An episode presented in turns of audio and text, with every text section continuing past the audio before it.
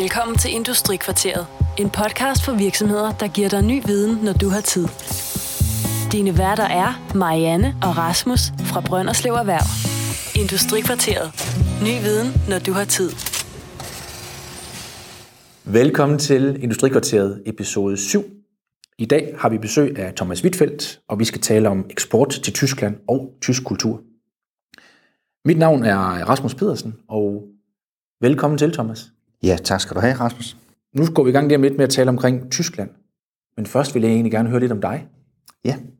Jamen, øh, kort om mig selv. Jeg er 50 år gammel, uddannet kan mærke i udenlandshandel for mange år siden, og har de sidste 25 år arbejdet med eksport øh, til nærmarkederne i Europa.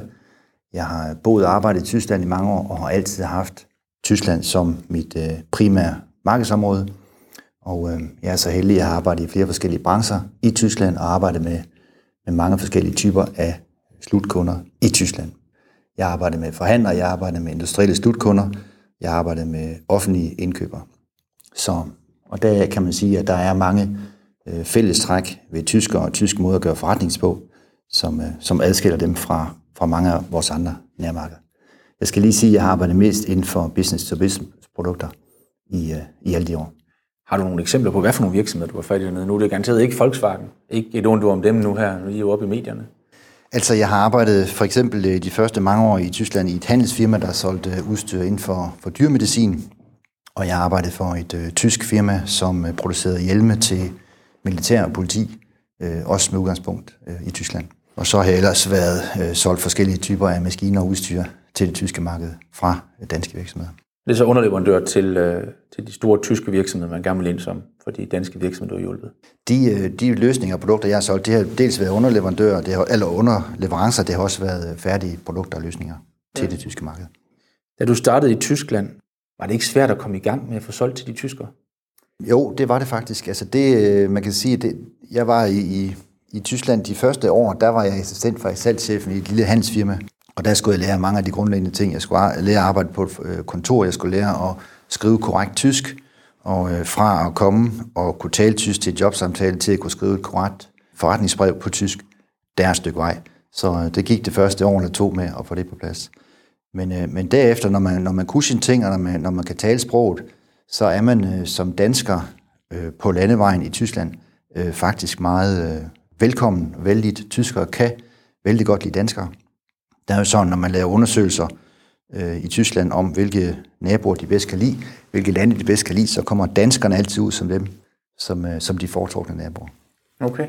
Så, og det kan man tydeligt mærke. En dansker på vejen i Tyskland, der taler godt tysk og, og, og forstår den tyske kultur, er velkommen hos de tyske virksomheder. Ja, der er forskel nu. Vi har, øh, jeg har en, en kollega derinde nu her, der er næsten lige så tyskerglad, som jeg er. Og hun siger, at en af de største forskelle, der var, når man er i Tyskland, tyskerne er ikke nationalistiske som danskerne, så det der med at flage med Dannebro, det tager de sig til hovedet over. Ja, og det tror jeg hænger noget sammen med den tyske historie at gøre. At når, når, de, når tyskerne ser sig selv i forhold til andre lande, så er de meget, meget bevidste om deres fortid. Så, så nationalisme, udad til nationalisme over for andre lande, den bliver, den bliver virkelig holdt på, øh, på et meget, meget lavt niveau. Men de synes, det er hyggeligt. Vi kommer med vores danske flag. Okay. Det har, det har de ikke noget imod. Er det lige før, det er, der skal, der skal, er det, var det Europamesterskab eller verdensmesterskab? Ja, ja, ja. Det synes de fleste tyskere, det var herligt, at vi slog tyskerne på det tidspunkt. Jeg tænkte også på, at det var et af de få tidspunkter, jeg set tyskerne rende rundt i, øh, i sort, rød og guld. Øh, det var, da de selv blev fodboldmestre her for nylig. Ja. For nylig er det ikke, det er jo et par år siden nu.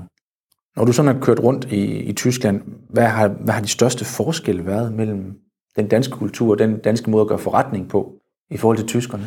Der er mange øh, forskelle på dansk og tysk forretningskontor, kan man sige. Det mest fornuftige det er, at det er ligesom delt op i to grupper af forskelle, der er. Der er de forskelle, vi kender, øh, dem der er tydelige, og så er der de forskelle, som, øh, som man først kommer til at kende, når man kender øh, tyskerne rigtig godt. Og, øh, og de sidste, de er faktisk også dem, der er de, de vigtige, og det er dem, der er de, øh, hvad skal man sige, farlige, når vi har med, med salg at gøre. For at starte med de nemme, kultur generelt vi hænger jo, danskerne, vi hænger jo sammen på, på, på udkanten af Tyskland, kan man sige. Så de tyskere, vi kender bedst, når vi kører syd for grænsen, det er, det er faktisk ikke de typiske tyskere. Så, så for at finde den typiske tysker, der skal vi godt, øh, godt stykke ned syd for grænsen for at finde ham. Så, så man kan sige, at de kulturforskelle, der er mellem danskere og tyskere, de, øh, de bliver simpelthen større, jo længere øh, sydpå du kommer. Men altså nogle af de ting, vi, vi ved om tyskerne, vi kender om tyskerne, som, øh, som man ikke skal vide ret meget om Tyskland for, det er jo sådan noget som, at de er meget mere øh, formelle, og de er meget mere hierarkiske. Det er et meget mere øh, konkurrenceorienteret samfund, og når man kommer øh, til Tyskland, så kan man meget tydeligt mærke, at der er meget mere forskel på folk, og det gør man sig øh, rigtig godt i som eksportsælger og, og respektere det. Man kan møde øh, 30-årige unge mennesker, der lige har taget deres PhD'er, som forventer at blive tiltalt øh, herre eller fru doktor. Det er for os fjollet, men, øh, men sådan er det i Tyskland. Det er en tydelig øh, oplagt kulturforskel. Det andet er, som vi også ved om tyskerne, de er meget grundige, de er meget detaljeorienterede. Tingene øh, skal være i orden. De har et højere krav til, til informationsniveau, de har et højere krav til detaljeringsgrad i alt det, man laver. Og det betyder, at de tilbud, vi laver og sender til Tyskland, de skal være fuldstændige, de skal være veldokumenterede, der skal ikke være nogen øh, fejl i. Så der skal vi på mange måder øh, skrue op for niveauet i forhold til, hvad vi er vant til hjemme. Ja. De ser jo heller ikke så positivt på, at man kommer uanmeldt på besøg. Nej, det skal man ikke. Det er en dårlig idé. Det er en dårlig idé i hele Tyskland, og det er også en dårlig idé i hele Tyskland at komme for sent til et møde. Og det er også en uh, rigtig god idé, uanset hvad der er i Tyskland, at være super velforberedt på dit møde. Det er hektisk folk, det, tiden er meget, meget knap. Du skal ikke komme og spille deres tid. Så det, du kommer med, uh, der er du velforberedt, og du går uh, direkte til sagen med det samme og, og fyrer dit, dit show af. Ja. Det gælder sådan set generelt uh, for hele Tyskland. Inden vi går på med de andre spørgsmål, uh, vil du ikke have en kop kaffe mere? Jo, tak. Så tager vi stille og roligt. Det vil man nok heller ikke gøre i Tyskland. Der er vel ikke tid til den anden kop kaffe? Nej, der er sjældent tid til den anden kop kaffe. Der er, og tit, uh, tit starter mødet jo lige snart kaffekanden den er sat ned på, på, på gulvet. Jamen, der er ikke meget, der er ikke meget small talk Nej. og snakken udenom. I, øh, I Norge, det er et af de store områder, for, eller har været her for, for eksport fra Danmark, specielt Nordjylland. Der er det meget god stil ikke at tale forretning, næsten før anden møde. Der taler man meget udenom, der skal man helst høre omkring bådet, og hvordan går det. Der skal man øh, være, være tryg ved personen på den anden side af bordet, og der er det personer, der handler med hinanden. Ja. Øh, Det vil sige, at når du har et møde, der er sat op, så når du omkring punkterne, der hedder dagsorden og eventuelt, og så Nej, der er det, der er det fuldstændig, øh, fuldstændig anderledes. Altså, der er øh, ingen small talk, det er direkte til sagen. Det er, det er både, hvis du snakker i telefon med, med, med, med dine kunder, og det er også, hvis du har personlige møder med dine kunder. Der er, der er, ingen, der er stort set ingen small talk. Small talk, det er om et Norge, det er sådan noget, der kommer hen ad vejen, når man har kendt hinanden øh, og mødtes fem gange, så kan man godt begynde at, at snakke en lille smule privat. Det er en interessant forskel til Norge. Man kan sige, hvis du skal sælge noget til, til Norge, måske, kender ikke Norge så godt, hvis man skal sælge noget til Sydeuropa i hvert fald, hvis du skal sælge noget til England, så ligesom kemien, den skal være god. Altså man skal, de skal kunne lide dig dernede, før du ligesom sælger noget til dem. Altså sådan, øh, det behøver det ikke i Tyskland. Der kan du godt, hvis du har et godt produkt, så kan de godt købe af dig, selvom de ikke kan, kan lide dig som person. Okay, så det er lige før du kan sælge på specifikationerne, og ikke så meget på, på personen.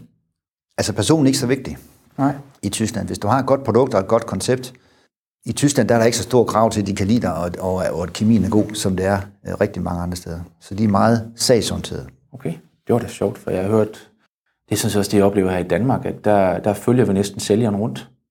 At det er meget personbordet, kontakten der er. At der er rigtig meget, der ryger på gulvet, hvis man skifter ud. Ja, men det, øh, det gælder i mindre grad i land som Tyskland, kan man sige.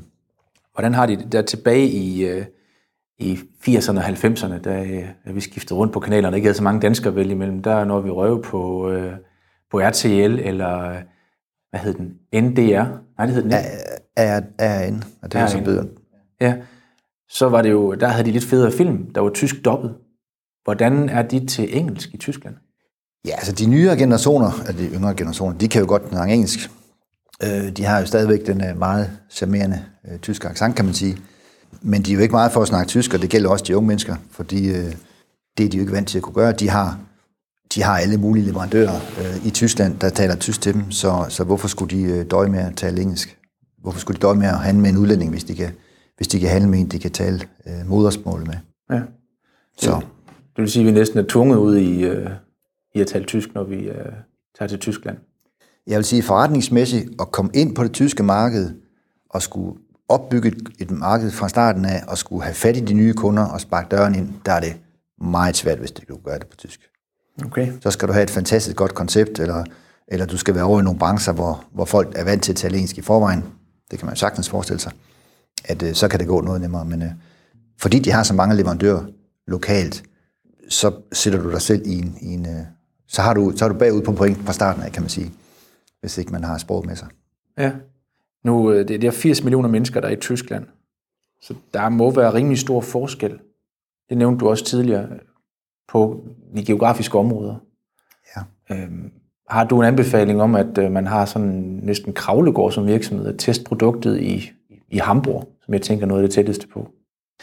Altså jeg vil sige, øh, der synes jeg, at det, at det, at det praktiske, det må spille ind. Øh, Det er jo sådan, at øh, dan- danske virksomheder sælger primært til Nordtyskland. Og det er der, det er der mange gode grunde til, og vi sælger stort set ikke til Sydtyskland. Men altså, hvis, hvis jeg var et dansk firma, afhængig af hvad det er for et produkt eller hvad for en branche, jamen så vil jeg da også starte med Nordtyskland. Det er jo trods alt noget øh, nemmere og billigere at køre til Hamburg, end det er at køre til, til Bayern. Så jeg vil sige, øh, om, om, om man kan tage sådan en, en typisk population ud et eller andet sted i, i, i, i Tyskland, det ved jeg ikke, om man kan. Det afhænger også fuldstændig af, af hvilken branche man snakker om. Men så vil jeg sige, start, start nordpå, og så bevæge sig, bevæge sig sydpå. Start med en lille del først, og så, når man har fået noget mere erfaring, så kan man ellers uh, trække sydpå. Afhængig af branchen selvfølgelig. Det er også lige før, hvis man rammer rigtigt, så kan man næsten fange dansker dernede, hvis man kommer ikke for langt over grænsen. Ja. I Slesvig-Holsten, der er jo stadigvæk danske skoler også. Der er masser af danskere, ja. Vi, vi nævnte meget, meget kort i telefonen, da vi talte sammen om, øh, om den tyske humor. Ja. Og jeg sad og rodede, tænkte efter i hovedet, fordi det eneste, jeg kunne komme i tanke om, af tysk musik, det var, øh, den gættede du med det samme, da jeg skrev, der var præmie på højkant, det var jo 99 luftballon. Jeg er kommet efterfølgende efter med Ramstein, Rammstein, og der var et, en landeplan overgang der, med en krokodil, der hed Snappy, kan jeg huske, sådan en børnesang, der, der ramte. Ellers så er det begrænset, hvad jeg sådan kan huske af tysk kultur. Der har været nogle hammergode film undervejs også. Øh, men de har alle sammen kredset om 2. verdenskrig og genforeningen. Øhm, og der er egentlig få sjove film, jeg kan huske, jeg har set, det har været Goodbye Lenin. Øh, Hvor det, det er noget af det eneste, jeg har set af tysk humor. Den kunne jeg godt lide, men hvordan har tyskerne det med humor? Jamen, øh, jamen, tyskerne de har det fint med humor. Det er et øh, lystigt folk, og, og især, øh, hvis man skal snakke om geografiske øh, kulturforskelle, jo længere sydpå det kommer, jo, jo lystigere øh, bliver de. De kan, de kan virkelig øh, grine og morse. Men det er en, det er en anden type, øh, lidt en anden type humor, som vi har. Jeg kan ikke ret godt forklare det, men altså sådan noget som ironi, og sådan noget med understatement, som er, er, er højt skattet i dansk øh, humor, jamen det, det forstår de derinde. Det forstår de ikke. Jeg har i mine første år i Tyskland kommet grummegalt afsted med ironi, og det, det kan jeg klart, øh, det kan jeg klart fra over folk og forsøge med. Det forstår de ikke. Nej. Det må også være svært, når det er på et andet sprog, at, øh, at man skal være ironisk. Det er svært at få de helt rigtige nuancer med, ja. Men hvad, jeg så en tysk, en amerikansk reklame for Bæksøl, hvor at pointen i den var, at tyskere, de gør sig ikke i humor, de gør sig i øl, og det er noget af det, de gør bedst. Men øh, jeg lægger lige link til den også, så, øh, så kan I se den. den. Den var stor, da jeg var i USA for mange år siden efterhånden. Men det vil sige, det vigtige, når du tager til Tyskland, det er møde til tiden, være præsentabel, lad være med at være sjov. Ja, det er da et par udmærkede øh, hovedrum, og så øh, skal du have dit øh, koncept øh, fuldstændig krystalklar. Som vi snakker om, ingen uden, udenom snak, direkte til sagen, præsenterer dit koncept øh, rigtig godt. Og nu vil jeg gerne gå lige øh, øh, skridt tilbage. En typisk fejl, som jeg tror mange danske firmaer gør i Tyskland, det er, at øh, vi taler for meget om produktet, og vi taler for lidt om, øh, om virksomheden. Nogle af de ting, der, der kendetegner øh, tysk kultur, som jeg ser det, og nogle af, af grunden til, at det er svært at komme ind på det tyske marked, det er, at, at tyskerne de er simpelthen øh, anderledes øh, skruet sammen i forhold til os. Det tager længere tid at opbygge øh, tillid til sig selv over for en tysk kunde, end det gør for en dansk kunde. Og det er, der, øh, det er der flere forskellige grunde til. Der er tre grunde til, det vil jeg gerne komme ind på. Øh, for det første, det hænger lidt sammen med, hvordan tyskerne ser deres, øh, deres arbejde. Tyskerne er stolte folk, de er dygtige, de er dygtige til deres arbejde. For tyskeren er arbejdet meget, meget vigtigt for hans øh, selvfølelse. Tyskerne går meget op i at levere et godt stykke arbejde øh, på alle, i alle mulige øh, typer af jobs. Og så, så må man sige, at tyskerne de er måske ikke de mest øh, åbne over for øh, kritik generelt set. Det gælder især, når vi snakker om, øh, om tyskerne på arbejde. Tyskerne hader at få kritik af deres arbejde. De hader at få at vide af deres chef, at de har leveret et eller andet et dårligt stykke arbejde. Og så tænk, øh, tænk på Frau Schulz, der sidder der på sit øh, indkøbskontor dernede i Bielefeld, og hun har haft øh, to leverandører, to tyske leverandører, som hun har arbejdet øh, sammen med i mange år. Og så kommer vi, en friske eksportsælger fra Danmark, og vil sælge et eller andet til hende. Og vi har et eller andet produkt med, som, som på nogle måder kan være god gode for hende og, og være en fordel for hendes firma. Hvis hun så, hvad skal man sige, køber os, jamen så ved hun jo godt, at hun løber en eller andet risiko. Tingene kan gå i stykker, eller det kan gå galt, og hun kan få, hun kan få øh, skæld ud af sin chef, fordi hun tog en dårlig beslutning. Og bare det, fordi hun er bange for at få kritik af sit arbejde, fordi hun ikke vil have skæld ud af sin chef, fordi hun har taget en anden beslutning, det kan afholde hende for at, at, at prøve os af som leverandør. Så, så det er bare øh, det, det er et eksempel på, hvordan øh, tysk kultur kan, kan gøre det lidt sværere for os som dansk virksomhed at komme ind. Et andet eksempel, det er sådan noget som øh, øh, holdning, eller hvad skal vi sige, åbenhed og tillid over for andre mennesker. Eller der bliver jo jævnligt lavet undersøgelser af, øh, hvordan forskellige nationer forholder sig til forskellige ting. Og der kommer danskere og skandinavier kommer, kommer ud som nogle, som nogle folkeslag, som er meget, meget tillidsfulde og åbne over for andre mennesker. Tillidsfuld og åbenhed, det er sådan et positivt øh, vejet ord. Man kan også sige, man kan også sige naive over for andre mennesker. Øh, men i hvert fald viser det sig, når man, når man ser på de ting, at danskere er meget tillidsfulde over for andre mennesker. Og det kan man ikke, øh, det kan man ikke beskylde øh, tyskerne for at være. Tyskerne er øh, normalt set meget mere skeptiske over for andre mennesker, meget mere forbeholdende over for andre mennesker. Man skal lære, de skal lære en at kende, før de ligesom åbner op og har tillid til en. Så man kan sige, hvor, hvor danskeren som udgangspunkt har tillid over for andre mennesker, så er tillid, det er noget, der skal opbygges i Tyskland. Og der kan du nok se, hvis vi tager fra Schulze der igen, hvis du kommer ind på hendes kontor dernede vil sælge lidt andet, hvis hun som udgangspunkt ikke har tillid til dig, og hun er også bange for at få skæld ud for at tage en fejl beslutning, jamen så, så kommer det til at tage lidt længere tid, før du får overbevist hende om, at man skal lave forretning sammen med hende. Og en sidste ting i den forbindelse, der er vigtigt, det er sådan noget som, øh, hvordan har danskere det, hvordan har tyskere det i forhold til at håndtere risiko. Ting kan gå galt, øh, produkter kan gå i stykker, det kan blive forsinket. Hvordan har de med det? Jamen, øh, der synes jeg, man må sige, at øh, danskere, verdens lykkeligste folk, vi er meget øh, optimistiske. Vi tror virkelig på, at tingene de nok skal øh, fungere. Og øh, hvis jeg sammenligner det med tyskerne, der er de meget mere øh, skeptiske. De har meget mere fokus på alle de ting, øh, der rent faktisk kan, kan gå galt ved alting her i livet. Så der kan man sige, hvis man stiller, skærer, skærer det skarpt op igen, så kan man sige, at danskerne er optimister, og tyskerne det er pessimister. Så det er endnu en forskel, der, der, der betyder noget, når vi som dansk firma står og skal sælge land. Så, så hvis vi skal forenkle det meget, så har du, så har du den danske indkøbschef Jens, som sidder i sit job som indkøber, og i Danmark der har vi jo relativt øh, hvide beføjelser til at tage beslutninger i det job, vi nu har i forhold til Tyskland. Han sidder der og kan tage de her beslutninger, han vil. Han er ikke så bange for at begå en fejl, fordi han ved godt, at hans chef accepterer fejl en gang imellem. Han er åben og tillidsfuld over for andre mennesker, og så er han i øvrigt en rigtig jubeloptimist. Han tror på, at tingene det skal nok fungere. Så har du Jens på den ene side, og så har du på den anden side, der har du Frau Schulze der, som er nervøs for at begå fejl i sit job, som er nervøs for at få skæld ud af sin chef, som har relativt begrænset handlefrihed i hendes job, øh, som er noget mere skeptisk øh, over for andre mennesker, som hun ikke har mødt før, og som, øh, som endelig har, er noget fokus på alle de her ting, der kan gå galt, øh, hvis hun nu køber det her firma. Ja. Så må det da også næsten virke utroværdigt, at man kommer ind som sælger med stor beføjelse. Det gør vi sgu. Det gør vi bare. Vi, vi kan levere i morgen, hvis det er. Altså man kan sige, hvis du tager de her to øh, ærketyper i forhold til hinanden, hvis du har den danske, danskeren Jens, og du har tyskeren fra Schulze, så kan man godt se, at det er jo noget nemmere at komme ind og lave et salg til Jens, danskeren Jens, fordi han er noget mere, kan man sige, modtagelig over for, for nye mennesker og nye løsninger og nye idéer, og han er mere positivt indstillet på det. Og det, som jeg ser, det er en stor øh, grund til, at øh, det simpelthen tager længere tid i Tyskland at komme ind øh, at få solgt nogle ting. Det er, fordi der er simpelthen, jeg ved ikke, om man skulle kalde det konservatisme, eller, eller tilbageholdenhed, eller, eller skepsis. Der er i Tyskland en meget større skepsis, du skal overvinde for at komme i gang med at lave din forretning.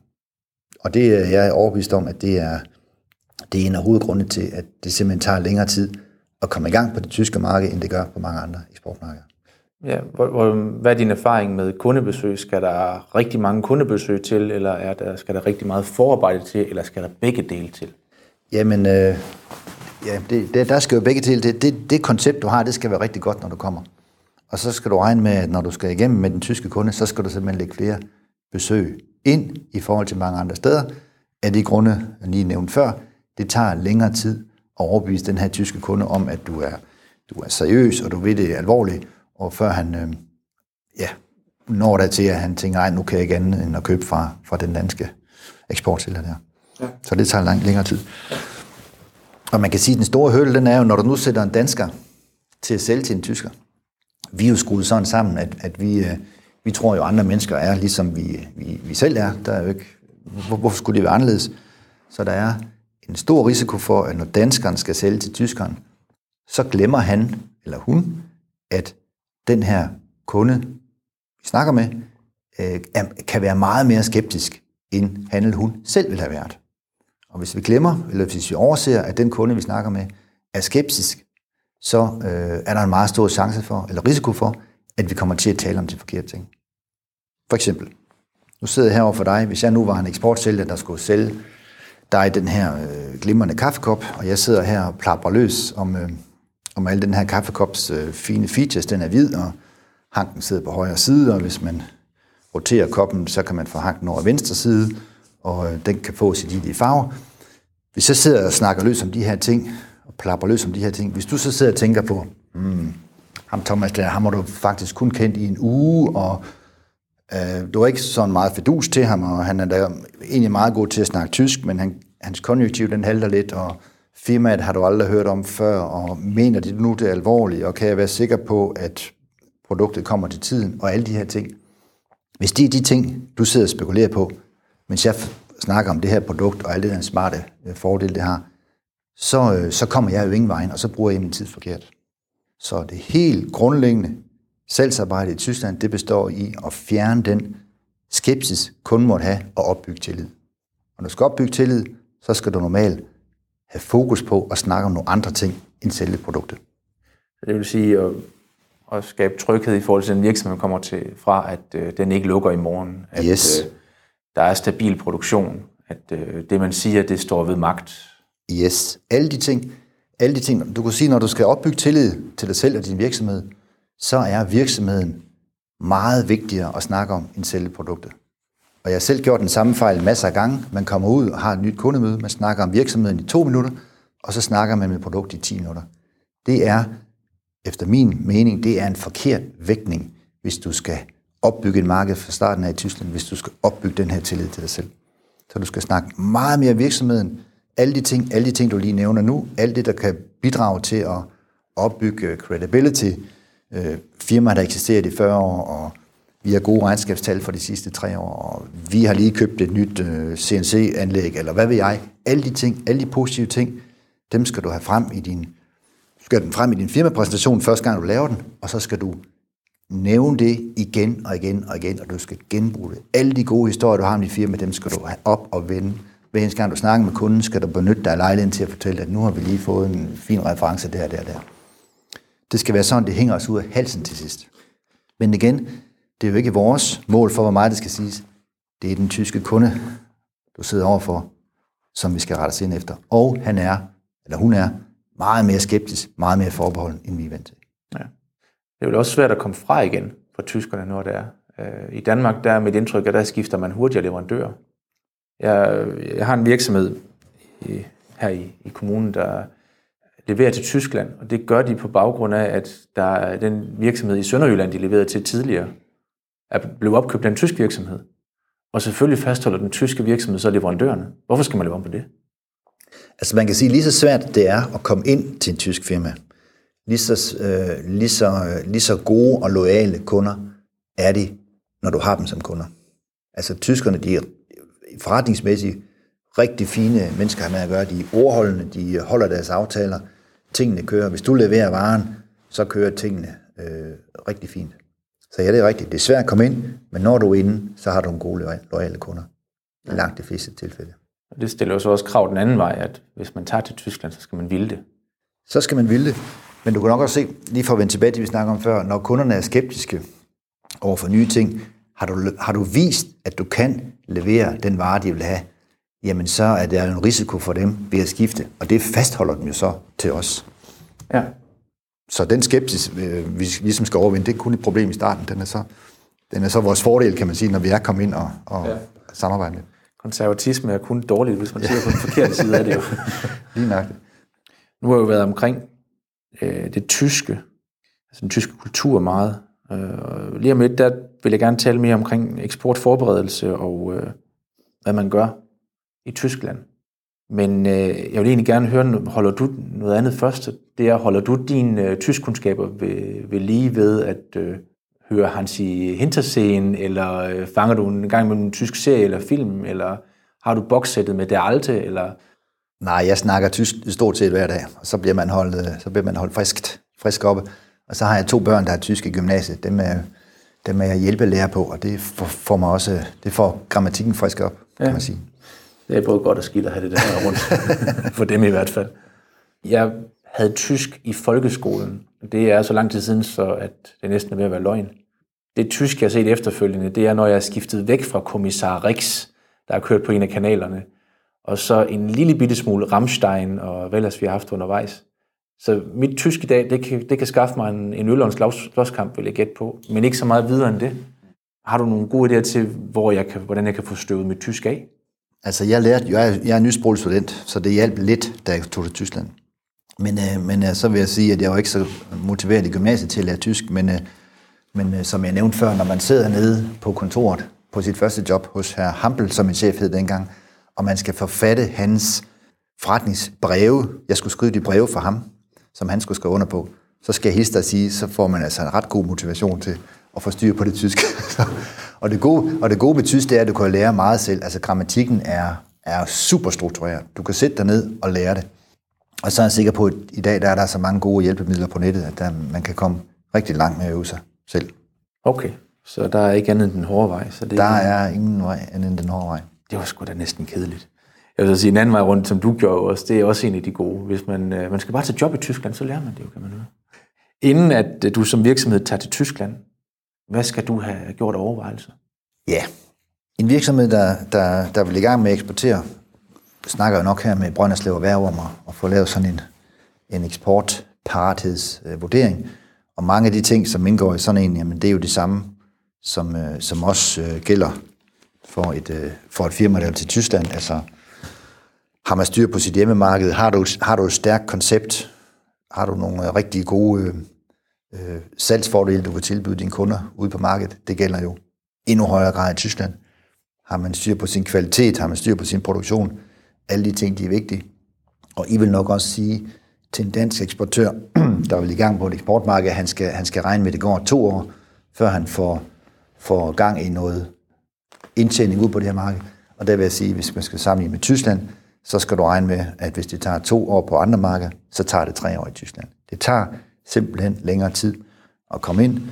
Af de grunde, vi har snakket om før, kunderne er mere skeptiske, det tager længere tid øh, for at overbevise dem. Konkret sagt, du skal have flere besøg hos dine kunder dernede for at overbevise dem om, de skal, de skal købe af dig. Og så kan man sige, så er der lidt andre krav til de salgsfolk, vi skal have dernede. Øh, de folk, vi skal have på landevejen, de skal kunne snakke tysk i langt de fleste tilfælde. Og det skal være folk, der kender kulturen, ellers kommer de til at træde nogle over tæerne, eller også kommer de til, som vi snakker om før, at overse, at kunden han er meget mere skeptisk, end, øh, end han virkelig er. Og det kræver altså også folk, øh, der øh, sælger i Tyskland, de skal være, de skal være hårdhudet. Der er mange øh, sure tyskere, der er mange øh, afvisninger, man skal kunne, det skal man kunne klare. Man skal have en, en hård negl ved, ved at sige, det er måske lige overdrevet, men man skal være en robust person, og tyskerne har st- store krav til, til dokumentationen og detaljerne. Det vil sige, det skal være en person, der, har, øh, der kan sætte sig ind i sine, sine sager. Hvis du sælger et teknisk produkt, så skal den mand, du sælger til Tyskland for at sælge det, han skal kunne alle de ting. Det er næsten bedre at sende teknikere afsted, end det at sende sælger afsted. Ja, det vil jeg sige, fordi det vil der være krav om. Ja. Hvis du sælger et teknisk produkt, så skal den mand, du sælger afsted, han skal kende det. Er fuldstændig, det vil være forventning for kunden. Ja. Og, og, og det interesserer de sig for. Det er det, de spørger om. Hvad med, øh, hvad med derhjemme på kontoret? Man risikerer jo, at der er en tysk kunde, der ringer en gang imellem. Ja, det kan man jo ikke helt afvise. Det er jo det er noget skideværk, når kunden styrer en. Altså man kan sige, det med, at, det med at kunne snakke tysk, det er enormt vigtigt, når du skal ind på markedet. Ringer du fra et dansk firma og skal booke et møde i Tyskland øh, med ham, så er det enormt svært, hvis ikke du kan gøre det på tysk. Kommer samarbejdet op at køre, øh, lærer du at kende bedre, øh, de bliver mere afslappet over for dig, jamen så kan, så kan rigtig mange ting øh, fungere meget bedre på engelsk. Okay. Fordi når de får tilliden til dig, jamen så tør de også ligesom at gå over i et sprog, hvor det ikke er helt, helt så, så sikre, som det er på deres hjemmesprog. Så jeg vil sige, får man et samarbejde op at køre, øh, de samarbejdspartnere, man har inden for det her firma, øh, kan de snakke engelsk, jamen så er det også øh, i mange tilfælde fuldt tilstrækkeligt, at dem, der sidder på kontoret i Danmark, de også kan snakke engelsk. Men jeg vil sige, spydspidsen derude, dem, der skal sparke døre ind, der vil jeg sige, det er meget svært ikke at kunne gøre det. Og, og opnå det, hvis du, du, du kan gøre det på tysk. Ja. Hvad med sådan noget som tysk postadresse, tysk telefonnummer, tysk hjemmeside?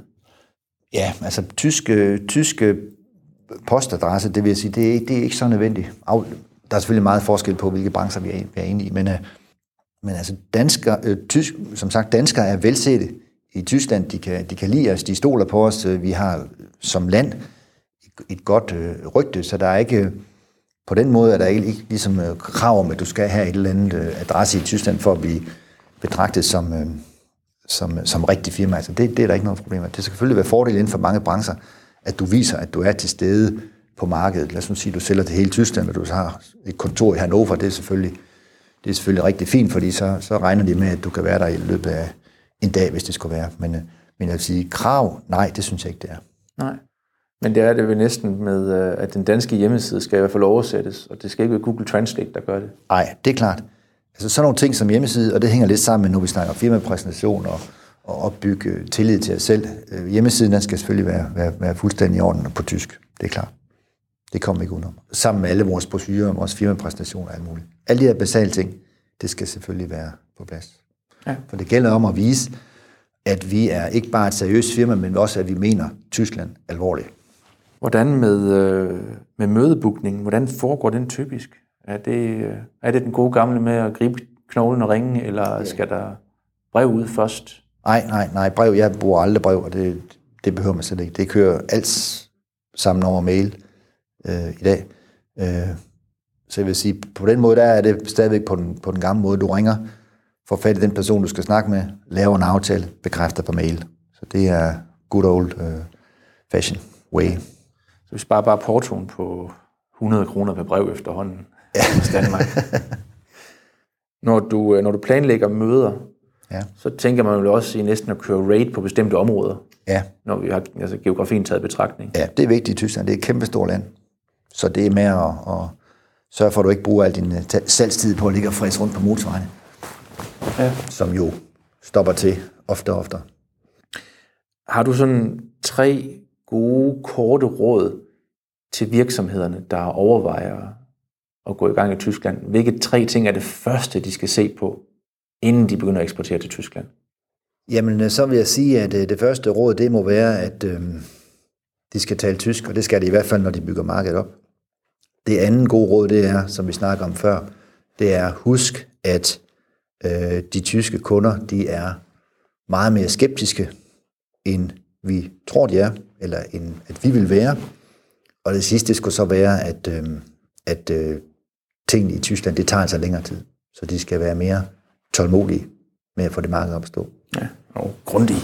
Og grundige også. Det var sådan det grundlæggende, jeg havde, jeg gerne ville omkring.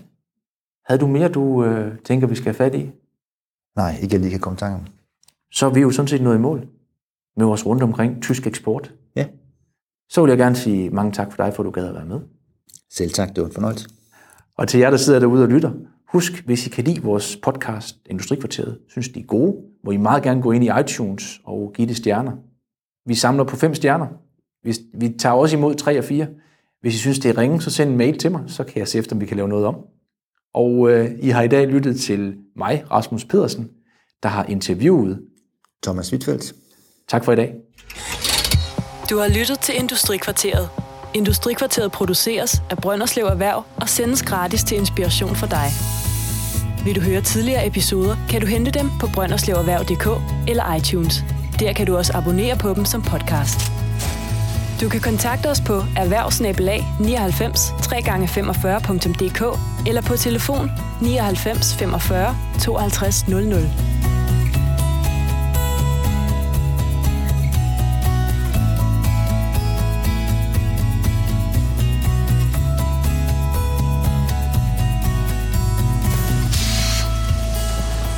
Industrikvarteret. Ny viden, når du har tid.